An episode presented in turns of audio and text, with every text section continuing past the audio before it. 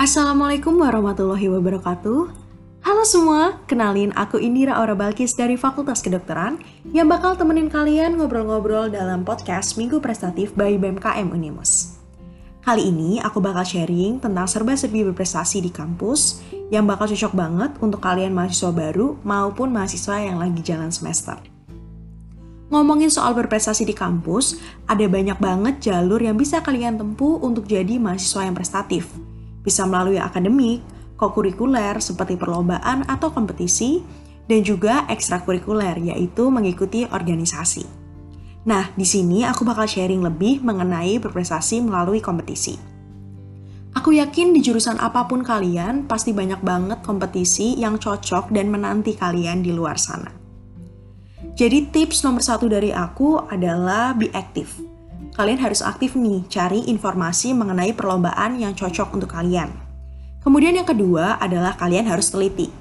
Setelah menemukan lomba yang mau kalian ikuti, kalian harus teliti nih, kira-kira persyaratannya apa aja, dan petunjuk teknis yang disediakan oleh panitia, kalian harus baca banget.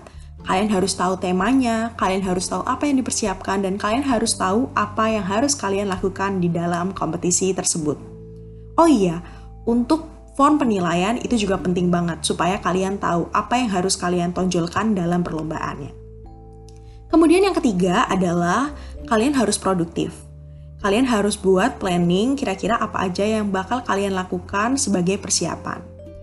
Gak perlu terlalu banyak persiapan yang muluk-muluk, yang penting kalian konsisten dan juga kalian boleh kok mulai dari hal-hal yang kecil atau mulai dari small steps. Kemudian yang keempat adalah kalau lombanya secara tim, kalian harus banget nih untuk menyamakan persepsi dengan anggota tim kalian. Atau kalau lombanya individu, kalian harus benar-benar memahami banget apa yang kalian persiapkan dan jangan lupa untuk diskusi atau menanyakan hal-hal yang belum kalian tahu ke penyelenggara atau panitia lomba. Nah, itu tadi beberapa tips singkat, tapi sebenarnya dalam kompetisi ada banyak banget faktor di luar diri kalian yang menunjang kalian untuk gagal atau bahkan berhasil dalam kompetisi tersebut. Bisa dari lingkungan yang kurang mendukung, penyelenggara lomba, atau dari kompetitor yang cukup handal atau cukup berat untuk kalian bisa menang dalam lomba tersebut. So, tips terakhir dari aku adalah be confident. Kalian harus percaya diri. Kalian harus percaya bahwa ketika kalian percaya dengan diri kalian, anything is possible. Tentunya nggak semua kompetisi harus kita menangkan. Jadi ketika kita kalah, aku cuma bisa bilang it's okay. Kalian nggak perlu berkecil hati, anggap aja bahwa kalian ikut kompetisi ini sebagai bentuk dari self-love, di mana kalian menghargai dan percaya kepada diri kalian bahwa kalian bisa.